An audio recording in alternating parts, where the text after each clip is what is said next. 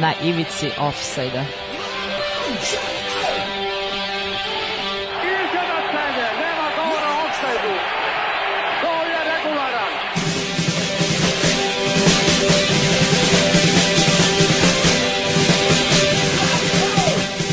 Vi ste se sad čak setili sreće da donesete i da čestitate futbalerima.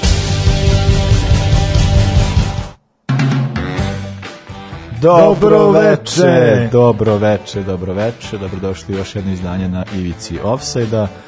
Krenuli smo na vrema da smo se malo zabrinuli, pošto su nam ovde neki, neka tri lika. Ne, neko je upao u studiju. Upala, ja ulazim, gledam šta je ovo. I rade, na, rade naš posao, to me, Da, to me to me nešto nešto zabrinjava. zabrinjava. Ajde sad da su sedeli, potvarali frižider, pa ili spavali na krevetu pijani ili nešto, Sede nego oni sede za da mikrofonima i nešto sede govore. I kao Da. pričaju tu i nešto u futbolu pričaju. Ali I nekako- znaš šta smo saznali da Nikola Karabatić još igra rukom. Eto, prvo još zanima, eto, momci su rekli da Kravatić još igra, i on i brat, ja sam I on je brat, da. ja Lu, brat je Luka, je li tako? Ne znam. Ja sam mislim da je Luka. Moje, moje poznavanje rukometa se završava. Sa Nikolom. Sećam se nekih igra, ne znam, ako se, neko seća Nedeljka Jovanovića, tad O, sam ja, ja- pratio, ja ne znam Tad sam ja pratio rukomet, posle toga ne ne, znam. ja se sećam Ranić, Vujin, Šešum, to je ta generacija, ovo ostalo. Momir Ranić. Momir.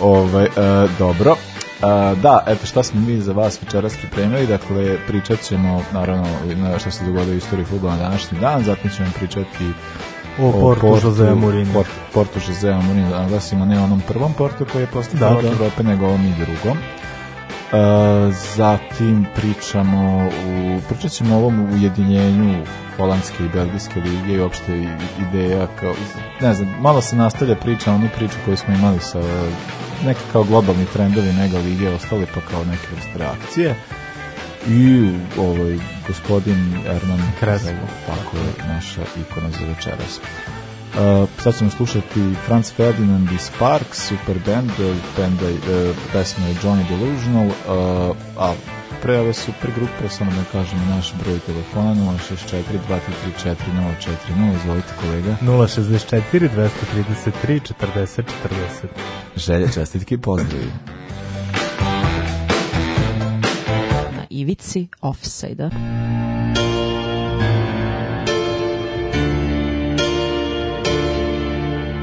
Words are in my head, but I can't enunciate them clearly.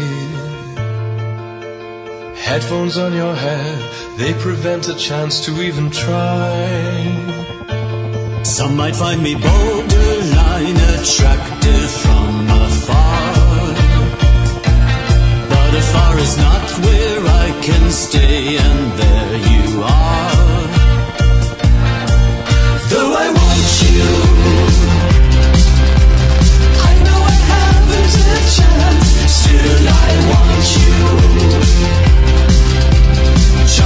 Delusional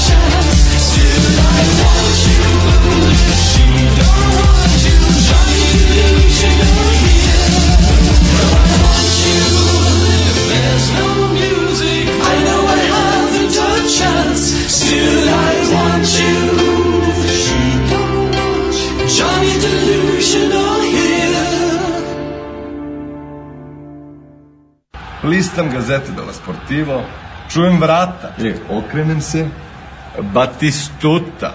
Gabriel. Svega mi. E, dakle, ja započinjem Tako je, sa tako je. 1961. Na današnji dan Znaš koji je 61. dan? rođen je Lothar Mateus, prvi od nekoliko super zvezda koje su rođene na današnji dan. Lothar- Danas se spremio pravi prolet. Ne, ovo je baš all star, da, da, da. Uh, Lothar Mateus, nemački futbaler i legenda, legenda svetskog futbola, jedan od najboljih igrača u istoriji futbola na svojoj poziciji, ikona Borussia Mönchengladbach, Bayerna iz Minhena, čak i Intera, gde neki kažu da se nije najbolje snašao, ali ima jedan skudeta osvojen s Interom, što je sasvim dovoljno i naravno jedan od najboljih igrača u istoriji nemačke reprezentacije. Osvojio s njima Euro 80. i Svetsko 90. Svetsko 90, tako da. A igrao je još na onom, da tu se uh, Ma, uh, Mateus o, je igrao na poziciji Libera, da li 98 ili tako nešto na svetskom prvenstvu 2000, ne mogu sad da se setim, ali da je tako kao igrao je kao Libero kao, u, kao, u poznim fazama svoje karijere. O, našem futbolu poznat kao i Da, kao trener trener koji je uveo Partizan u, u Ligu, Ligu šampiona, ćemo i o tome Da, da, da, da, jeste, jeste. A ovo, i po tome što je oženio ovu kako se Marijanu, Marijan Mateus. Marijanu, ne znam moj, E, devojačko, ali, ali Mateus. znamo da je Mateus. da. Uh, šta imate? Imam dalje? 63. Može dalje. Može Rođen Ronald Koeman, još jedna mega zvezda, holandski futbaler, takođe sa jedan od najboljih na svojoj poziciji. Evo, Zbog čega ja poštujem? Zato što je overio i PSV, i Ajax, i Feyenoord, dakle samo mu još Aze Alkmaar fali da, da igra u toj velikoj četvorci, ali je karijeru počeo u Groningenu, dakle još jedan veliki klub holandski, a kruna karijera naravno u Barceloni gde sada radi kao kao menadžer, vidjet ćemo da li će uspeti. koliko će to trajati i šta Pa će da. s tim biti, ali ovaj, da, Kuman je stvarno, mislim sad, neovisno od ovoga kao trener, to me, ne znam da Pa meni je bilo simpatično ono u Southamptonu, ništa pre i posle mi nije nešto obećavalo. Pa ne znam, meni Southampton ima nekih ono, ne znam, meni bilo mi je, budu, ovaj, recimo sam bio kritičan prema tom njegovom angažmanu tada, a i ovo kao, ovo sad za Barsu, ne znam, rezultati govore više o Da, što, da, bih da, da. mogu reći, ali zato kao igrač Kuman je stvarno bio ono fantastičan igrač imao je kao bio jeste centralni odbrambeni koji i, i mogu igrati kao libero koji, i on igrao je često i na poziciji zadnjeg veznog im, imao je taj neki liderski moment da je vukao ekipu napred strašan udarac, e, odličan pas mislim Pa jedan od najboljih Da. strelaca na, na svojoj poziciji. Što Tako je- da, mislim, stvarno, i to nogom, ne samo. Da, da, tako da. da. stvarno je ono jedan od tih igrača kao kraj, kraj 80, početak 90, prva, prva polovina decenije 90-ih i stvarno bio jedan od najboljih definitivno. I sa Holandijom osvojio Euro 88 o kojoj smo pričali. 88. da, i onda posle kasnije po rezultatu sa Aleksom i Barsom. Uh, mislim da imaš još ja tek, osam- 69. ja tek 81. Šest, e, onda imam još dve. 86. tek. A, A, joj, u, onda imam još tri. Ali pustit ću čekam tebe. te Da. 80. Ne, reci imam ti. e, 69 rođen Ali Daei, iranski futbaler. e, u to vreme kad sam ja čuo za njega, to je kao, na primjer, kao Landon Donovan, igrač kojeg sam ja imao prilike da pratim na, na prvenstvima, ti si ga možda neko vreme i gledao. U Evropi, prvenstvima, mislim isključeno na prvenstvima, da. ali, ali da je u to vreme bio igrač sa najviše internacionalnih golova, to je bilo 109, mislim da je i dalje. Ronaldo je prestigao Puškaša, je li tako? Da. ali mislim da još nije prestigao ali da Pa je, dajmo ali još će sigurno godinu, mislim, pa si, da. ne, pa mislim da će ove, ove godine mislim da mu treba nešto 6-7 golova tako A, da pa dobro, nije problem ali bih ja ipak voleo da ali da je vikend, bude na primjer sad za vikend da, možda bude. da nije, nije isključeno nije isključeno Uh, zatim 1980. Bože, Ajo. bože. Rođen Ronaldinho, brazilski Ronaldo de fudbaler Moreira. Moreira, zvani Ronaldinho, mali Ronaldo. Ja mislim da je on kategorija za sebe.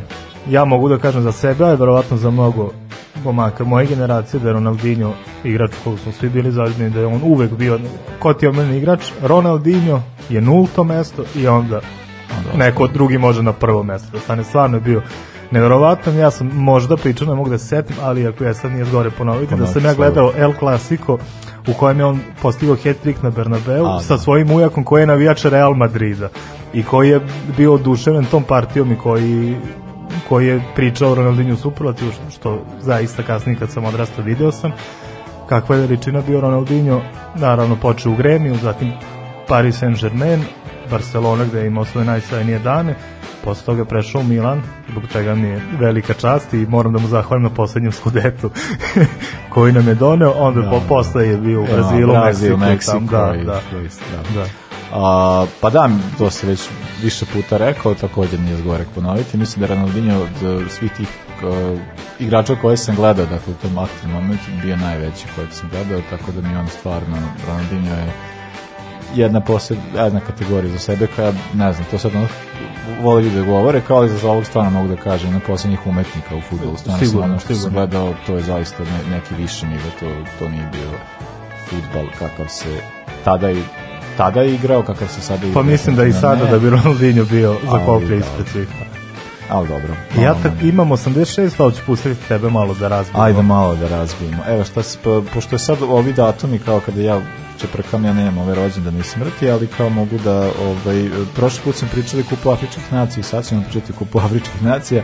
21. marta 86. godine e, reprezentacija Egipta je osvojila treću titulu u kupu Afričkih nacija, pobedivši kameru na penale, e, bilo je regularno toliko 0-0 kao što često zna biti u ovim da, završnicama da, da, strašno. a ov, bilo je 5-4 na penale. Oni su prethodno dva puta osvojili titulu 57. i 59. E, to je iz 59. kao taj UA, UAR, Ujedinja, Ujedinja Arapski kako je išlo, Ujedinja Arapske republike, sad ne mogu se setim kao što je znači, to je, da te, šta ja te pričam, da. A mo- mogu samo da te gledam bledo.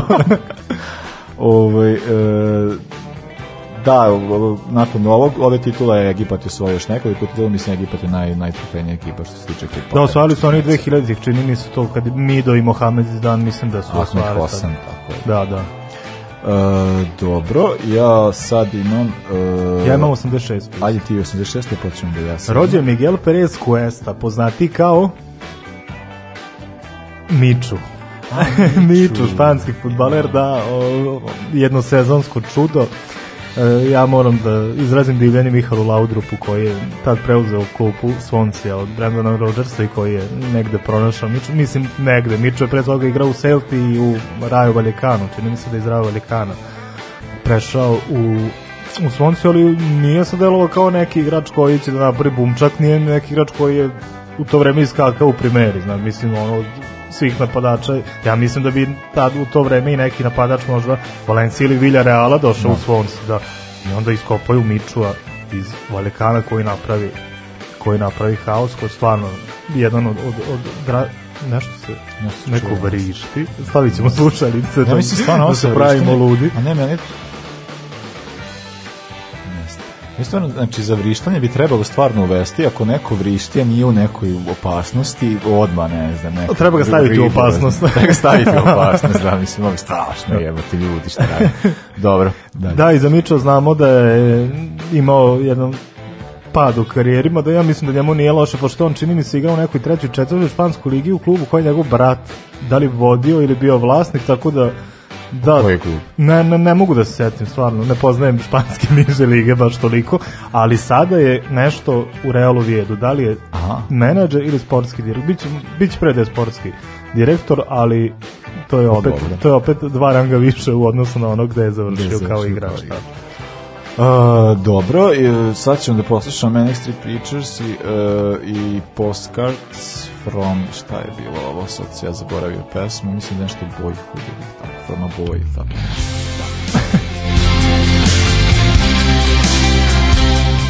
a nakon toga Ruth Gullit.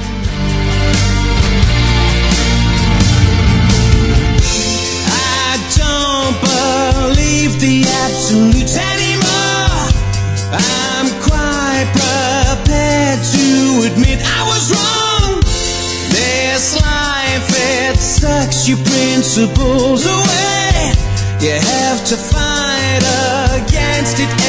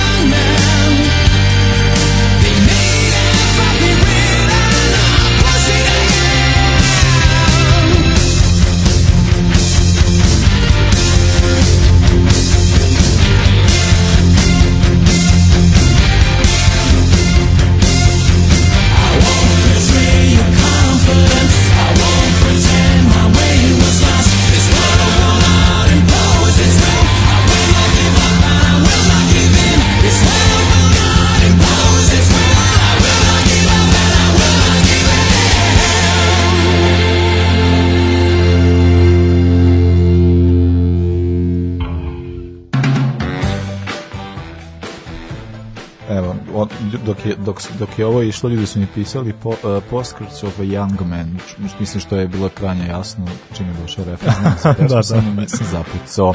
Ali dobro, idemo, ja sam na 87. Dakle, 21. marta 87. E, rekordni transfer što se tiče PSV-a od tog doba, e, defanzivac, of, e, defanzivac vezni Rud Gullit prelazi, Au. to jest e, potpisuje, ono, ugovor je rešen, potpisuje za Milan, pošto je Uh, on je naravno prethodne sezone napravio super rezultat za PSV-om, ali je želeo više od toga i onda je posle uh, uslovio svoj uslovio ekipu je ob, zapravo klub da hoće da pređe u Milan, pa je pa su na kraju se desio taj transfer za tada rekordni 6 miliona funti što naravno sad za, za ovo vreme Da, da, deluje smešno. jako smešno, ali ovaj, da, on je prešao tada i pridružio se Van Bastenu i Rijkaard. Mislim, on je sa- zajedno sa tom ekipom napravio super rezultate sa Milanom. Uh, nakon Milana je ostao u Italiji, o tome smo nešto pričali kada U smo Sampi. pričali o Rudi, bio je u Sampi i sa Sampom ima dobre rezultate, a onda je ovaj, uh, deo period kojeg se ja sećam, to sa Chelsea i ostaje zebanci, Mhm, ali mhm. kao ge, generalno mi isto bilo taj njegov trenerski deo posla, pošto je radio je, ne znam, u Chelsea, u Newcastle, Feyenoordu i u Los Angeles Galaxy. E, sada ti imaš... Ja imam 89. Ajde, izvoli. Ali pre toga, pošto smo spomenuli PSV u nekoliko navrata večeras, ja bih poručio slušalcima da, slušalcima da gledaju PSV ove sezone. PSV ima jednu super ekipu, izbalansiranu, e, mnogo poznatih i izgrađenih igrača, a mnogo i mladih talenta, međutim ta ekipa ne igra na punom potencijalu. Tako da je zanimljivo, nisu utakmice sve neizvesne, nije da će sad svakoga Da, da. biti 5-0, jel? Često i i, i, i prokotske prilike, ali je jako zanimljivo za gledanje, mislim da će tek sledeće sezone PSV da bude još bolji. 1989. Samo da kažem, Mario Gece igra. fudbal. Mario Gece Kao i ona- Mario Gece nema ni 30 Da, godina. da, on, igra, on, on trenutno igra Da. sada i na nekom je nivou kojem je bio negde ranije. Da, da, da. Ja, ja, jako mi je simpatično. To je inače da ne dečko što da titulu prvo- prvaka E, sveta ne, Njema-. Njemačkoj, Da, ako se da. sećate. Čoveče. Kao da je bilo pre 100 godina. 89. rođen Jordi Alba, španski futbaler, a on je dete Valencija zbog čega mi je izuzetno drag, ali je nakon evropskog 2012. otišao u Barcelonu, nakon čega mi je postao ogavan, jel, kako to kod mene ide šteta, jako dobar, jako Back. dobar bek, da, Dobar stra, back. strašan bek, strašan i napadački, ja se nadam da će uskoro promeniti promeniti klub da mogu ponovo da, ga gledam, da. A, dobro, dobro. I imam 91. E, može, a 92. može. Rođen Anton Griezmann, francuski futbaler. Dakle, sp- spomenuli smo danas dva igrača koja su osvojila zlatnu loptu, to su Lothar Mateus i Ronaldinho, a Anton Griezmann je igrač koji je za mene osvojio zlatnu loptu 2018. kada je s Atletikom osvojio Ligu Evrope i svetsko prvenstvo s Francuskom, stvarno nepravedno što nije osvojio zlatnu loptu, pošto je fantastično i to mi je sličan slučaj kao sa West Snyderom, koji je stigao do finala svetskog i osvojio tripletu sa Interom, samo što eto Griezmann je uspeo da osvoji svetsko. Fantastičan igrač, znamo ga prvo iz Real Sociedada, kasnije Atletico Madrid, sada Barcelona. Barcelona. Opet i on je želeo da mi postane ogavan, ali stva- stvarno, stvarno šteta. Uh, 92. 21. mart, heroj naš o, o, o, o, ove vesti je Vinnie Jones, koji O, pričamo, mislim, Vincent su, Vinnie Jones. već su sumnjaš o čemu se radi. Pa ne, nekome je odvrnuo glavu. Da, ovaj, u duelu Chelsea, u duelu prve divizije, du- duel Chelsea i Sheffield Uniteda, Vinnie Jones je nakon samo 3 sekunde zbog zakasnelog faula, zakasneli je jako bitno ovde, e, dobio crveni karton. I sad je ovo jako zanimljivo, pošto je njegov, mislim, ovo sam izabrao zbog njegove izjave koje je bilo u tom, ovo, bilo je kao... Bilo je Vinnie Jones nikad ne kasnije. kao ili sam bio uh, ili sam bio prenapaljen, predivalj ili prerano startovao, ali sigurno nisam za Zakasnio, za naravno. sekunde, sigurno nisam zakasnio. naravno. Tako da, Vinnie Jones. Naravno. Uh, 98. Može. Može. Uh, 21. marta 98. ekipa Chicago Fire je odigrala svoju prvu utakmicu u MLS-u, pobedivši takođe ekipu koja je odigrala svoju prvu utakmicu u MLS-u, Miami Fusion sa 2-0. Uh, oni su do tada igrali u toj nekom drugom randu, mi nikad ne možemo pohvatamo kako taj MLS Da, funkcioniše, ali ono što je zanimljivo da su te godine, dakle, debitanti osvojili MLS kup na kraju, pobedivši 2-0 DC United na, kad, kad oni već završavaju u oktobru. Da, da, da, da, da. E, dobro, i ja imam 2009. Može. Mogu ja da udarim, niko se nije rodio, nije umro. Ovom I taj što se rodio, njemu je prerano da pričamo. Uh, junak priče je Al- Alex Ferguson. uh, pošto je uh, Ferguson isto pratio priče da ima jako dobre izgovore kada njegova ekipa izgubi. To uvek je nešto smišljao. Pa je bilo da je, ne znam, bio loš teren. To nisu izgovori, to su de- 100% tačne činjenice. Pa, pa da, reasonable explanation. Da. o, ima je i ono kao meni najlegendarnije ono sa bojem dresova, kao da su da zbog boje dresova oni nisu mogli, to je isto Ja verujem ja mislim da jedno to Ja njemu, njemu problem, stari čovjek sedi pored pa ne vidi.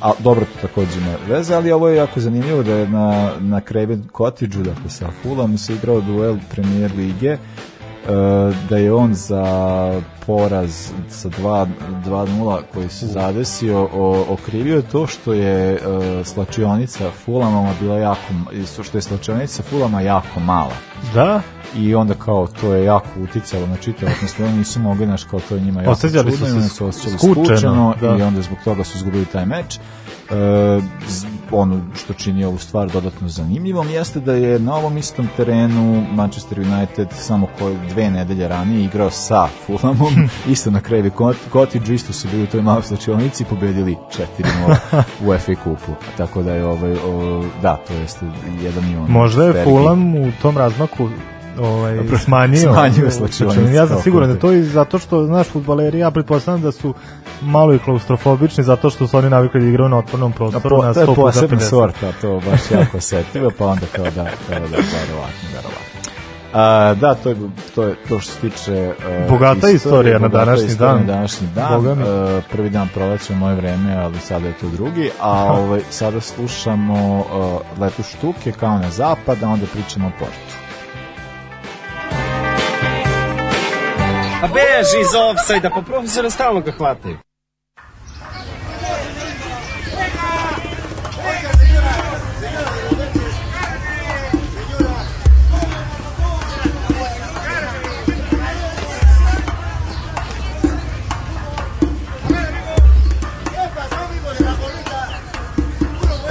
Prođi pokraj ogledala Sve su duše još uvijek tu. Sve se djevojke spremaju da čekaju Još jedan poziv u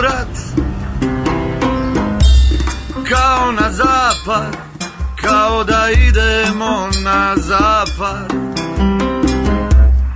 Kao na zapad Kao da idemo na zapad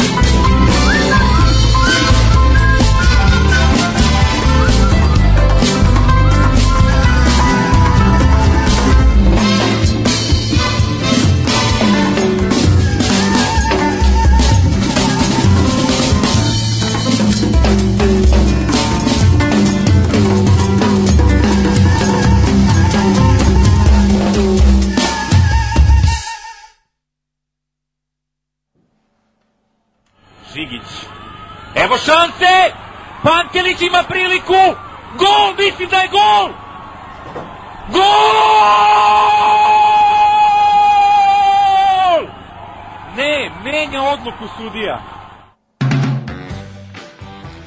E, idemo na Dream Snova, a večeras pričamo o ekipi Porta i o sezonama, mislim, jedna od sezona je jako bitan za našu, to je inače poznata kao pr- prva sezona u kojoj je neki naš klub nastupio Da, da, da.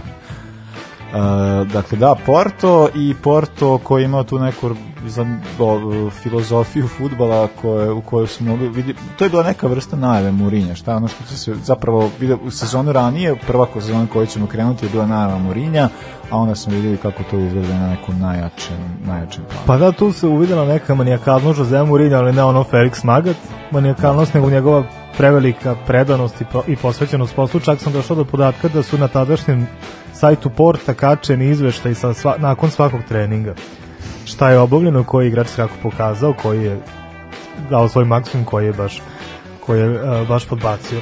UEFA kup je od mojih omiljenih takmičenja, žao mi je što što se i dan danas ne igra, ne igra po takvom sistemu i Porto do četvrtfinala nije imao nekog konkurentnog ni protivnika, tu je bila Polonija iz Varšave, zatim Austrija iz Beča i Deniz Lispor iz Turske i svi su ispaćeni kući ono sa, sa punom mrežom golova i onda je u četvrtfinalu Porto naletao na Panathinaikos sad kada se pogleda Panathinaikos sa ovog stanovišta, to baš i nije neki klub koji može ikome da parira, Da, ali Da, je to bio drugi slučaj. ali Damir zna, pošto sam ga ja često bombardovao, ako je hteo da zaboravi Panathinaikos iz tih godina ne može da zaboravi zato što sam ja igrao ta championship manager 2001. druge uh, ovaj, gde je bilo zaista mnogo, mnogo velikih, velikih dobrih igrača i Porto je to mogao da uvidi s obzirom da su na Dragau poraženi u prvoj utakmici 1 je bilo za Pau, strelac je bio Emanuel Olisadebe, verovatno prvi crnac u, u poljskoj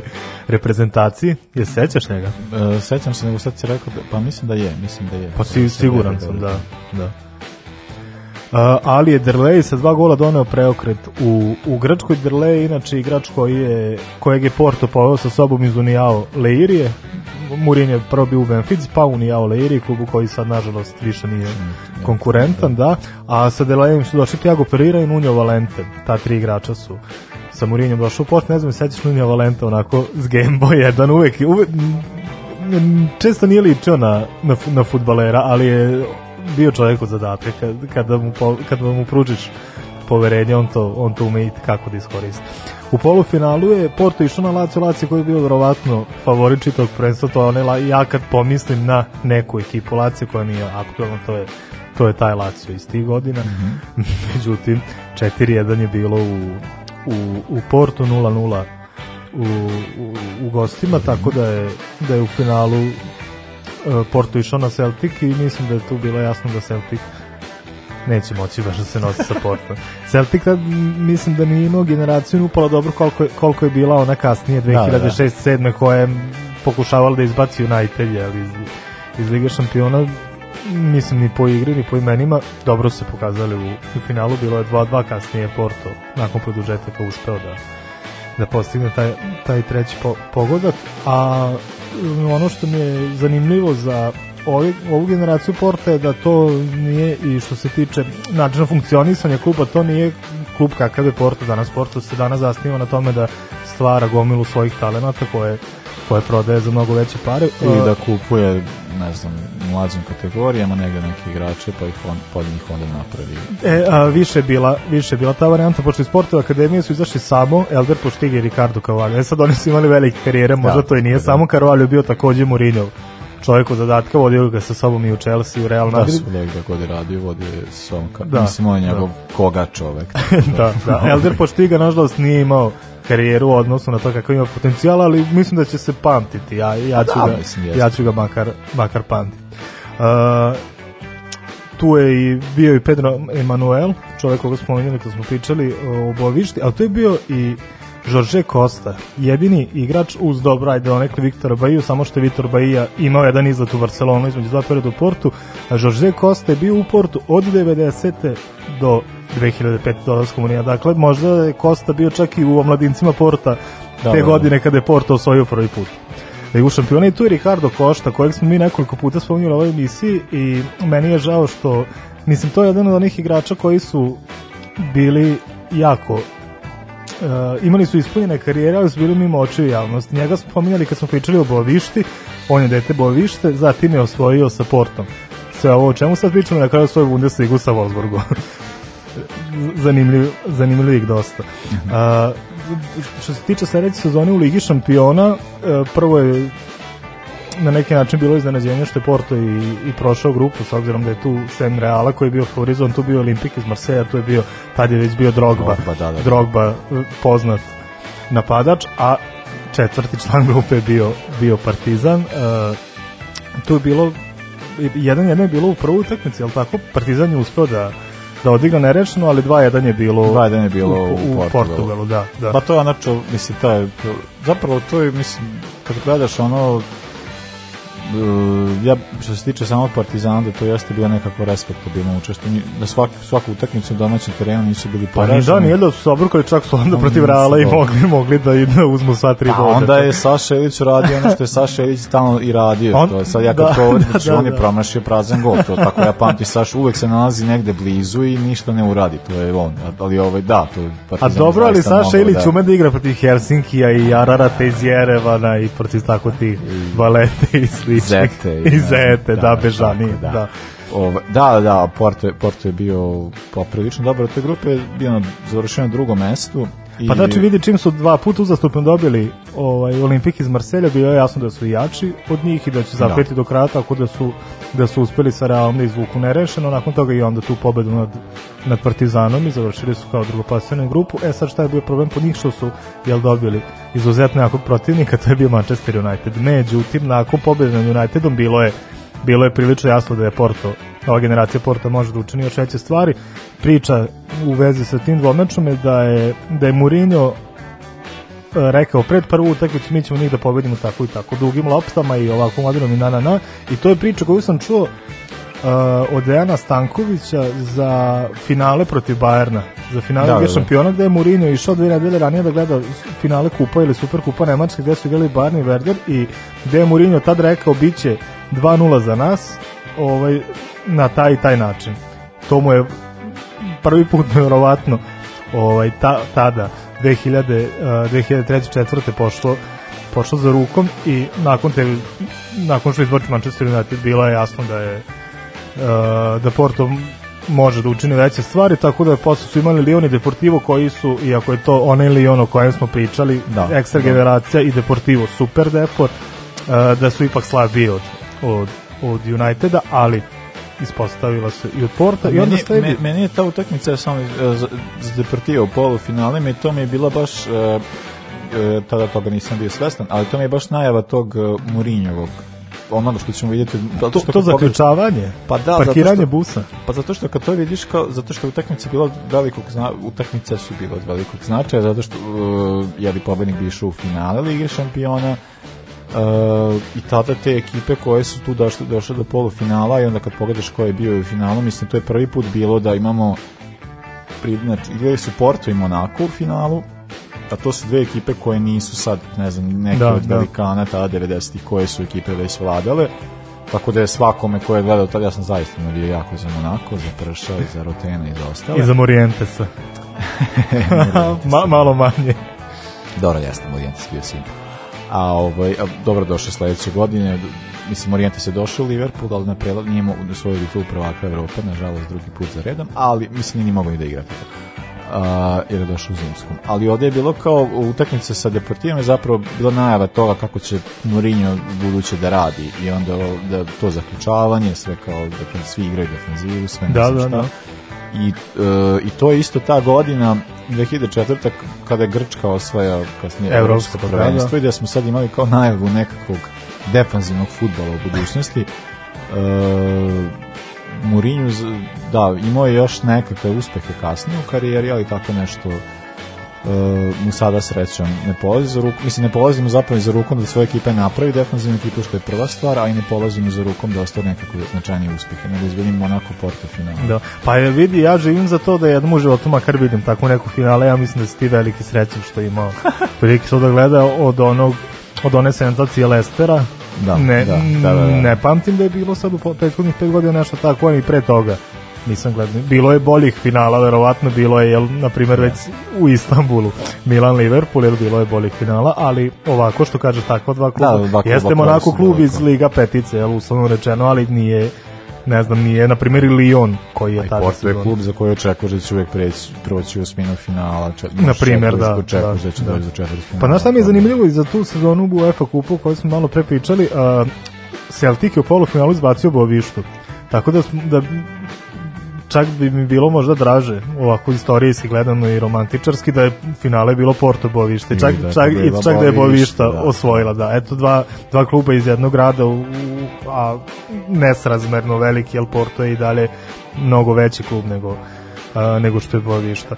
U, u odnosu na prethodnu sezonu najveću crtu je ostao Benny McCarthy, legendarni južnoafrički futbaler, ja ga pamtim iz Blackburn Roversa i tandemom sa tandema sa Jasonom Robertsom i kad smo već kod McCarthyja i Deleja kojeg smo pomenuli, video sam jedan komentar na nekom tekstu o ovim godinama gde je neko napisao ne Guardiola osvoji ligu šampionu sa Delejem i McCarthyjem u napadu. E, Pametno me dosta. Tako je, tako je. Dobro, a, sada ćemo poslušati boje Ja sam radosna, a onda pričamo o trendu globalizacije u centralnoj Ne, evropskom zanimljiva tema. Metiljevi, mlaki, nikakvi, ladni, kao da su kolektivno oslobođeni od fiskulture. Pojma nemaju, vraćaju unazad.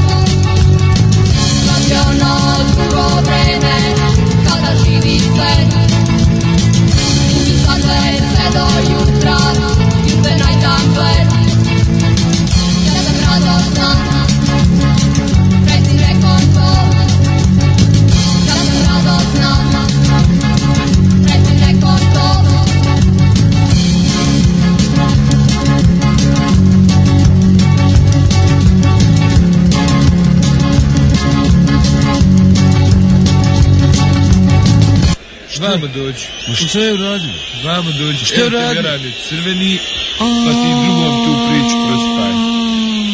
Ma ne mogu da vjerujem. Šta je ba? O šta je uradio? Šta je ovo? Pa zašto? Eto zašto? Pljuvo me, pljuvo me, pljuvo Pa šta me, te pljuvo? bolam, zdravo, ajde. Zdravo.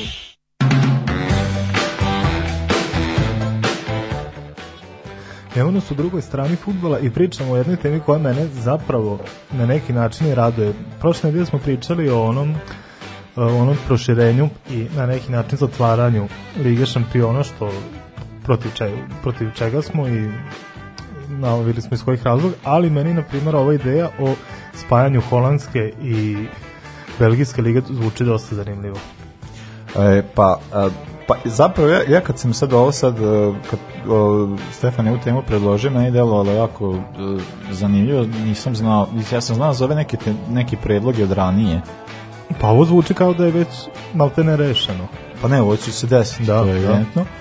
A, još uvek ne znamo kada, a, ali zato što, mislim, posljedna stvar, posljednje informacije koje imamo da je Belgijski savez prihvatio i predlog i da kao da, da sad to kao treba samo se dogovori kad će, neće biti vjerojatno za neke dve, tri sezone možemo očekivati da će se tako nešto desiti, sad dok se sve to pre...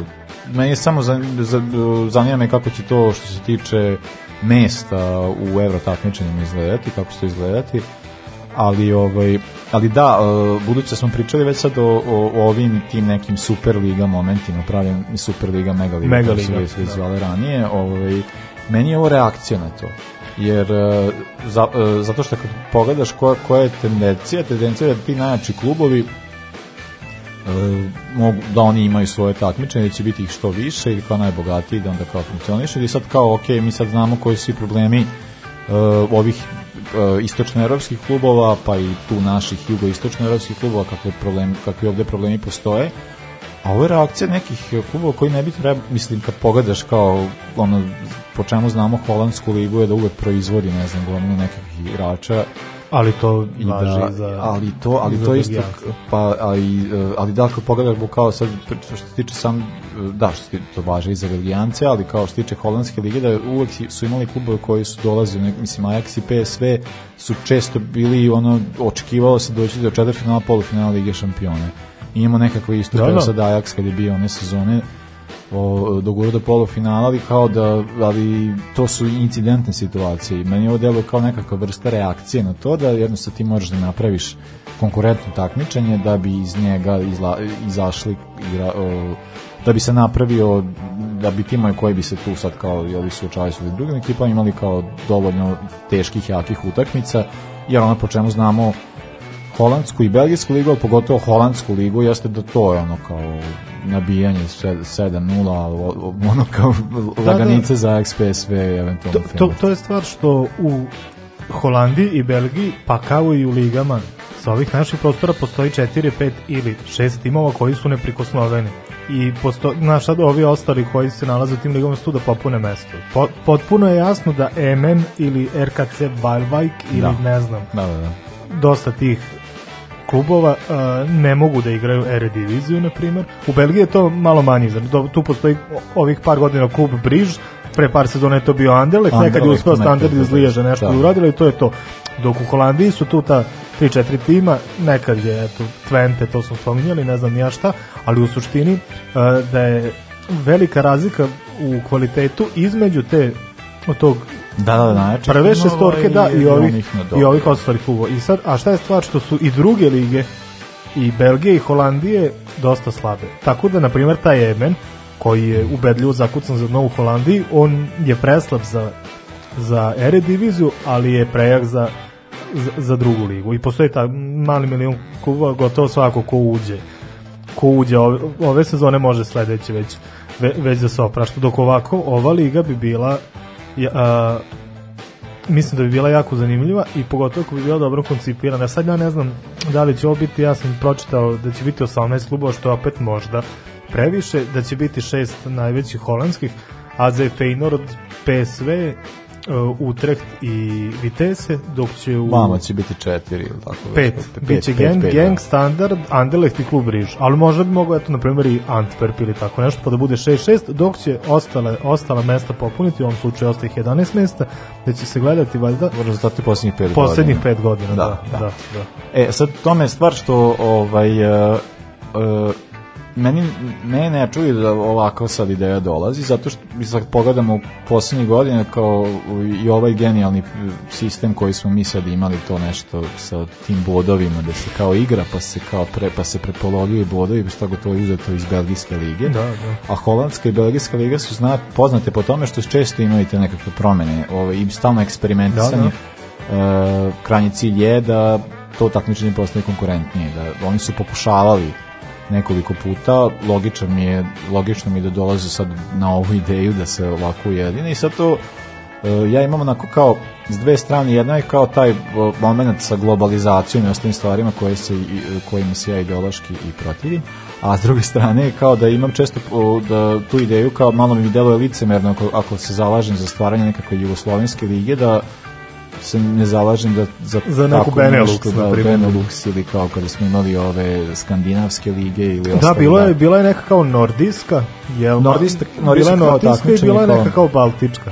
Ja sad, nažalost, to nisu bile, to su isto bili možda neki test projekti, to je trajalo sve po par sezona, pa se igralo valjda u, u ovaj u vreme kada su igrači bi, bili slobodni, to je bilo neko razigravanje, ovo ono, ali da se to sad, da se to shvati kao ozbiljan projekat, mislim da bi zaživalo. Pogotovo je, na primjer, Baltička liga, te tri države, stvarno, Ali tamo je stvar, zato što uh, problem je, to, to sad isto znamo, ono kao kada se ovde nešto tako kao baci buva za Jugoslovensku ligu. Sad kad je bila ta poslednja neka priča kao da se stvaraju nekakve te kao eksiju lige, uh, i onda na, pravi, na kraju čuješ tako, pošto kao tu sad kao, ne znam, UEFA je tako, ja ne znam, odlučuje ili šta god, su oni u fazonu kao dogovorite se vi, ali kao to mora da se uklopi u naše termine.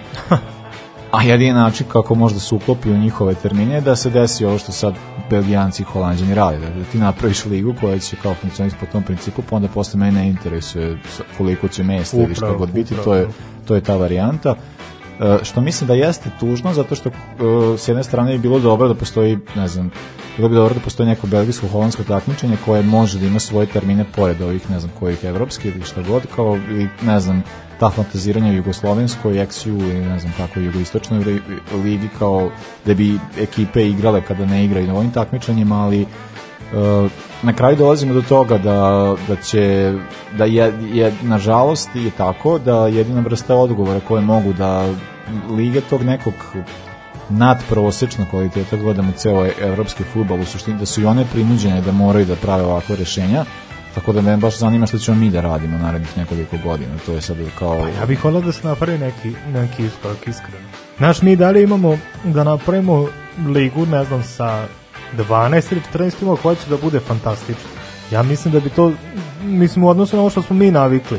Znaš, Zvezda, Partizan, Hajduk, Dinamo, Rijeka, Osijek, Voša, e, ne znam, Želj, Vardar, Želj. Željo, Sarajevo, ovaj, Olimpija, Maribor i razumeš to, to, to, ti je, to ti je to, ali to je neki 12 do 14, ma i da je 16 kluba, bilo bi zanimljivije nego, Pa o, nego ove, ove naše pojedinačne. me- Meni bi bilo zanimljivije, to jest kao, e, zbog čega mislim da je najveći problem koji se ovdje vrti jeste regularnost. I onda kao, kako bi to, zato što, mislim, zašto mi ne pratimo domaći futbol, zato što znamo da je krajnje neregularan. Da, da. A ovaj, i ne znam, da imaš situaciju u Hrvatskoj koji Dinamo ima, ne znam, ono ko, i- i ono kao generalno sad Bosna ide ne pri, mislim ima gomila problema da ovim svim futbolima. E, nameštanje utakmica je mnogo teže ukoliko je u to umešano više fudbalskih saveza, zato što kao tu moraš da budeš Jeste, upravo, upravo. i onda kao jedan, jedan od načina principa regularnosti koji bi mogo da se drži jeste stvaranje te neke kao, to je sad kao jedna od, jedna od ideja koja može da postoje, zašto bi o, ovde naravno standardni problem koji ostaje što, što ti odgajaš generacije, generacije koje odrastaju nekoj su, svudoj dozi nacionalizma, pa onda imaš taj moment da kao bezbednost je jedan od faktora zahvaljujući koroni to ne bi trebao bude problem, ali... Ali ja ne vidim šta sprečava Belgijanci i Holandjane zaista. naravno, Znači, samo naravno. da sednu jedno nedeljno popodne i da se dogovore i da kažu od sledeće Naravno, sezone naravno. počnemo. Ne, ne, mislim, ra, ra, razumno gledamo, to bi ovde isto... Mada ja se uvek setim kada pričamo ovako kao, jer ono povučite tema na uh, priča na kao to, kako, šta, kako bi to moglo u da se napravi, pa mi uvek generalno ta kao ideja uh, pesnika i, fut, i futbalskog poznavaca Marka Tomaša, da je tako kao rekao da je jedini spas za taj posto jugoslovenski prostor futbalski je kreiranje jugoslovenske amaterske lige. Da ćeš imati kao... Uf, to je utopistički jako jer to Ali je preskupo. to je, da, to je stvarno nema nikak, ali kao zamisli kao da imaš kao amatersku ligu, da će kao da se, mislim, to bi, to bi bilo fantastično. To je Da, da, zapravo, ali je- to bi baš bilo dobro i mislim da bi se baš sa tog nivoa da bi tu već krenule da, da se rešavaju neki problemi i te razmirice da bi se samo Da, to bi da bi se samo sklonile sa strane. E sad opet financije su problem i između Belgije i Holandije, mada mislim da će oni to rešiti dosta lakše nego mi i za sad nerešeno pitanje kako bi funkcionisali funkcionisali drugi rangovi ili drugi rang, da li će biti jedan isto zajednički Isti, ili da, će ili biti će dva, biti da, a da. čak ja sam za to da se možda u I Luksemburg. na- Luksemburg, da, najbolji luksemburgski klubovi da počnu iz druge lige. Na primjer, jer mi je to ok. Znaš, opet je najbolji luksemburgski klub, nema šta da traži u, ipak Da, u da, ovoj naravno. Bene ligi, to je tad, tad je bio Benelux ligi. A imao sam neku revolucionarnu misao koja mi je koja mi je pobegla. Ej, epika. Pošto smo pri kraju priloga, pa i ne Da, možemo da, a imam, da, imao sam ba, baš, baš neki način da, Ajde da sad poenciram. seti, pustit ćemo La Cinema, mogu ja, pa ako se setiš možemo... A mogu ja da se setim. Možeš ti da se setiš, pa ćemo to da pustimo, da, da ćemo te pustiti da kažeš na početku Ajde. Furgeru. Dođi, Furgeru.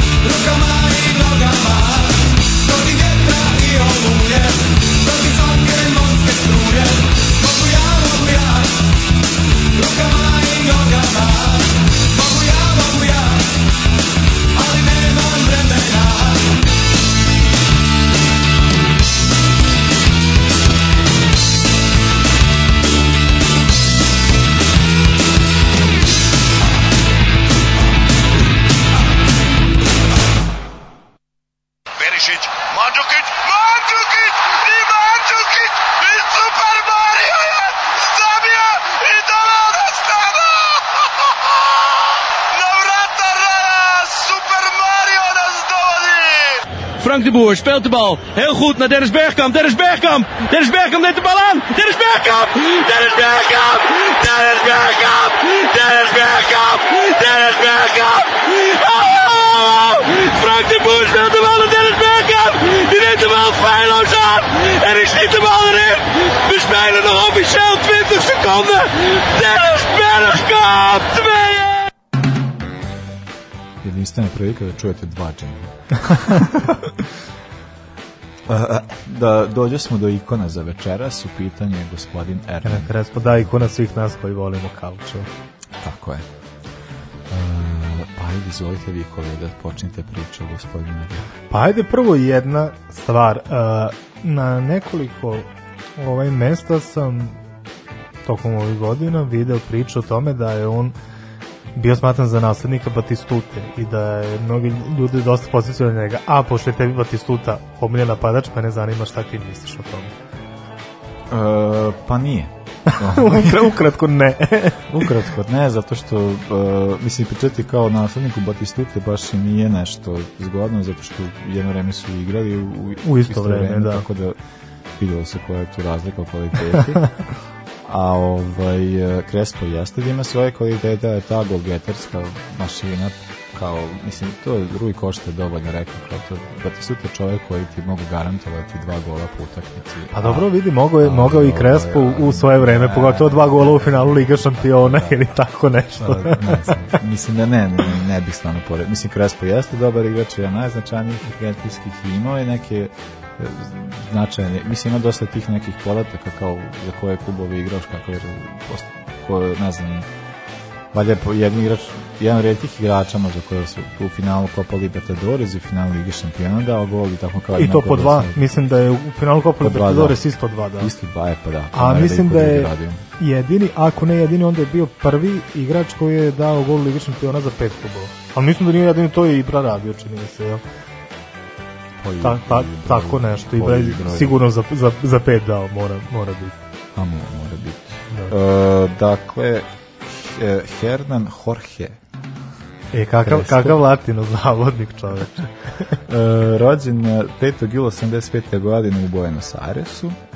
E, u- naravno, naj, nama je najpoznatiji kao cent, e, on je kao taj klasični centarfor, ali često igrao nek, i neku kao poučeniju varijantu, uvijek imao taj kao moment da može da se kombinuje, mada se ispostavio da je zaista kao klasični napadač i pruža najbolje rezultate. E, svoju karijeru je započeo to je o, to jeste zanimljivo ovaj, da je uh, mislim on je kao krenuo kroz Argentinu mislim njega pamtimo kao ne znam, meni to, možda i zbog toga da duša ajde da pričamo kao kad pričaš kao o argentinskim klubovima pa svima su je Boka dosta simpatičnija Da. ali ovdje imaš tu situaciju i nažalost River. ali ovaj e, e, ali jeste da on je e, vrlo, pa ne znam, nije mu trebalo dosta, nije, nije trebalo proći dosta vremena da, da, ga, da se njegov kvalitet prepozna i da dođe malo u Evropu. Pa to je da tu su neke ok godine, on je tri godine igrao profesionalno za River dok nije otišao u Evropu, Parmu i to je, mislim, za to vreme neki ok period da nije to išlo brzo kao sada, sad nakon jedne dobre polusezone ti si već ti si već meta Reala, Barcelona ili nekih malo manjih klubova. Da, da, to je nažalost. 96. prelazi u Parmu i tad je već tad su Apenini i ostale Evropu vidjeli kako se igraču radi preko 60 pogodaka i onda 2000. sledi prelazak u Lazio i tada najskupi transfer svoga vremena. To je bilo 35 miliona, je tako? To je ona sezona kada, tu je bilo nekoliko transfera koji su Pa to je, tada ovo, bili o- pet- ovo je 50 bilo na snazi 11 dana nakon toga je Figo prešao iz, iz Barcelone u Real. Ne, ali znam i u seriji A je bilo nekoliko transfera koji su tako bili, tada je to bilo neki 50.000 maraka. Ovo je bilo ne, 50 miliona, Miliona, maraka, da. da, 5000 baš. Ovaj miliona maraka i tako bilo nekoliko transfera, to je bilo ono za bancije pred ono pred zato što kao kad kad ne moraš da brineš o porezu i ostalim Jasno, stvarima, jasno. može se trošiš. E, tako da da, on je tada prešao o, u Lazio. Prešao u Lazio, da, i em, mislim, sjajna, sjajna statistika, 54 utakmice, 39 golova u, ligaškim utakmicama, ali ovaj te sezone se i tekako odužio u prvoj Lazio tako što je bio najbolji strelac serija. E, nakon Lazio prelazi u Inter i to je sad kao, to je meni cela ta priča sa Interom, to nije baš toliko, ovaj, mislim, ovaj navod Pa bio je bolji u povratničkim danima. Da, kad, da, Da. kada je dolazi kao pozivni igrač, da. Ali, ovaj, ali to meni je bilo kao, ovaj, e, što od toga da je bilo kao Crespo dolazi kao zamena za Ronalda, koji onako poprilično To baš zvuči. da i ne, i ne bi išlo. E, tako da je e, zatim prešao u, u, u Chelsea i tu je imao je dva dolaska po povratka u seriju A iz Chelsea a i jedan krajnji finalni dolazak u seriju A. Da, u Chelsea je bio proglašen kultnim napadačem. E sad, kultni napadač je ono čime je bio proglašen Marko Pantelić u Ajaxu. dakle, dakle, igrač koji je umeo da zabrilira, nije konstantno brilirao, ali su ga navijači mnogo voleli, zaista su Chelsea navijači mnogo voleli Hernana Krespa, pevali su mu pesme, čak i on je osvojio i Premier Ligu sa njima, tako. Da. A, a prvi povratak u Italiju, to je bilo 2004-5 u Milan i to finale koje smo pominjali kada je postigao, kada je postigao dva pogotka i pričaju o atmosferi uh, na poluvremenu i na kraju utakmica, mislim da je to priča koju bi svaki igrač Milana iz tog perioda mogao da kaže da su na poluvremenu pevali, divljali i nisu, nisu mogli da dočekaju kraj utakmice da, da se napravi opće slavlje, a onda nakon utakmice da niko nije prozborio reč ni, ni u slačionici, ni u autobusu, kasnije ni, ovaj, ni, ni, ni do prvog treninga da se, da se uopšte nisu čuli, dok, na primer, po bolim verovatno pamti drugi povratak u Italiju, ponovo grad Milan, ponovo Inter iz Milana, ali ovog puta mnogo bolji učinak i tu je uspeo konačno da osvoji seriju A. Što se tiče njegove reprezentativne karijere, mislim pamtimo naravno Krespo sa svetskih prvenstava kojima Argentina na osnovu svojih kvaliteta nije baš, uh, ali to već je priča od 86. pa nadalje da bih rekao. Ove, uh, on je učestvovao na uh, prvenstvu 98. 2002. i uh, 2006. Uh, dva puta je dolazio svojom reprezentacijom do četvrt finala ali o, i jednom su čak i ispali u grupi, to je naravno 2002. godine kada je dosta reprezentacije koje su ovaj, Obećavale, obećavale da. ispadale, ispadale u grupi. E, nije čak uspio da osvoji ni jedan Copa Amerika. E, mislim da su da je bio da su izgubili u finalu tako nešto je bilo. Pa tužna godina za argentinski futbal, opet stvarno su imali mnogo velikih. ali kad talenata. pogled Argentinci ko, Oni konstantno imaju oni- A to je znači, pogotovo kad bi napad, mogla da. neka, da, pa kad mogla neka taktika 2, 3, 5 i nešto, da oni imaju uvek napadače, kad pogledaš imaju četvoricu, petoricu uvek, Da. koji, koji Da, mogu da, da. sasvim super da igraju, ali ostatak tima je nekako problematičan i nema i nikako ne može ta lopta da dođe. I to mi je super kad Argentina ode na neko veliko takmičenje i sad znamo kakav je napad i da je i vezni red da je super i onda se pojave ono dva beka ili dva štopera koja su ne znam koja su tu iz, iz nekog petoplasiranog u, u argentinskoj ligi odmah znaš kako će se završiti to po njih ono od Zanetija i Valtera Samuela Gabriela Da, Heinzea da, da. nema, nema, nema više takve odbrane Gde su čamoti današnjih futbola? Gde su čamo, da, upravo, upravo. E, nakon Intera on je i dalje ostao u Italiji, odigrao jednu sezonu u Djenu i dve u Parmi, sasvim, sasvim respektabilni ovaj, statistika za, za oproštaj od, od profesionalnog futbala, a e, prvi klub koji je preuzeo kao menadžer je bila Parma Primavera ili ti Parmi omladinski pogon.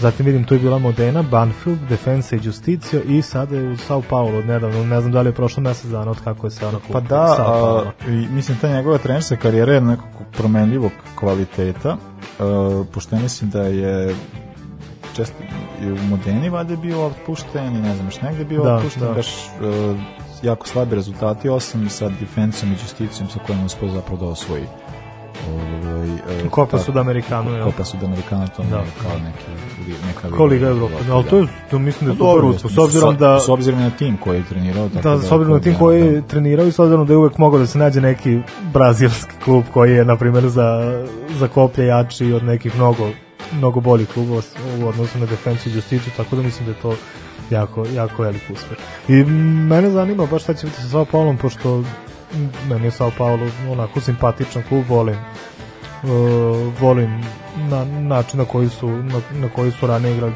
često pod nekim pod nekim menadžerima su imali dobre rezultate, dobra ekipa, često umeju da izbace nekog super talenta, zanima me kako će Crespo uspeti sa nekim takim. I to da li će uopšte, da li će se on fokusirati na to, znaš svi ovi klubovi nisu bili nešto ni ni mnogo čuveni, nisu imali ni neku omladinsku školu, nisu imali Da, toliko da, da, ponude. da, da. Zanima me da li Crespo kao za taj rad sa, sa omladincima, da li bi mogao da bude dobar menadžer. Pa, mislim, to je ono što ćemo vidjeti. To da, to je ono što nam ostaje da što, vidimo. što, što, što nam ostaje da Da. vidimo kako možemo tu konstrukciju, ali ovaj, da, mislim, uh, ako uspeo sa de- defensom i justicijom da, da, da. osvoji uh, jedno jako respektabilno takmičenje, tako da možda možemo očekujemo. Mislim, ovo može biti pravi test, ako pogledamo klubove koje je do sad trenirao, Sao Paulo je u tom nekom južnoameričkom kontekstu jedna od naj značajnijih ekipa. Pa jeste i mnogo da jači u odnosu na sve da, da, prethodne, Sve, sve da. prethodne, tako da, ovaj, tako da da, znači, to može biti dobra prilika za njega da pokaže taj svoj neki trenerski potencijal ako ga uopšte i posjeduje. Da, da. A, da, to bi bio Erdan Crespo, dođu sam i do kraja. A, za kraj ćemo poslušati Stones i Let's Spend the Night Together. Za, zašto si ti tražio E, Stones za zato što su Rolling Stones i omiljeni band Ernana Crespa. Znači, Kanidja je, a, koga je Kanidja? A, on je bio neki trash metal, nešto. Nije bio hard rock, se ja Ili sećam. tak ne, ne, mogu da se, bilo- nešto bilo, a, Da, nešto tako. Kanidja je voleo, nije Van He, nešto, Jur, nemam pojma, nešto, neki bend, ono, znam da je bio neki kao hard rock. Da, da, bilo je da, nešto, da, da, da, da, ali ipak sviđa mi se više uz. Dobro, da. A, da, da, dođe se mi do kraja, slušamo se za nedelju dana, a do tada, eto, možete nas, ukoliko vam se sviđa ovo, podržati na naše račune u Uh, Patreon, Paypal, dinarski račun. Kako sam on pokazao prstom Samo na mene, pošto Ajde, nikad, momak. nikad ne može da se seti. mogu da sve da pop- popati. Može, svi podaci na fejsu. Da, on ne može da se seti, ali su financije kod njega, to mi je ja- jako, jako zanimljivo. Vrlo mi je to zanimljivo. Ne znam koliko para Ni ima. ne znam koliko smo teški. O, ništa, čujemo se nedelju dana. Laku noć. Laku noć prijatno. Ovoga puta to je bilo u sastavu Janjuš Kojović, Bećis Pahić, Bratić Katalinski Hadžabdić, Jelušić, Janković, Bukal, Sprečo i Deraković. Evo je, To, šefe. Sarajevo, zdravo, zdravo, Jes, jes, šefe, dobro si, šef. Sad smo jedan, jedan.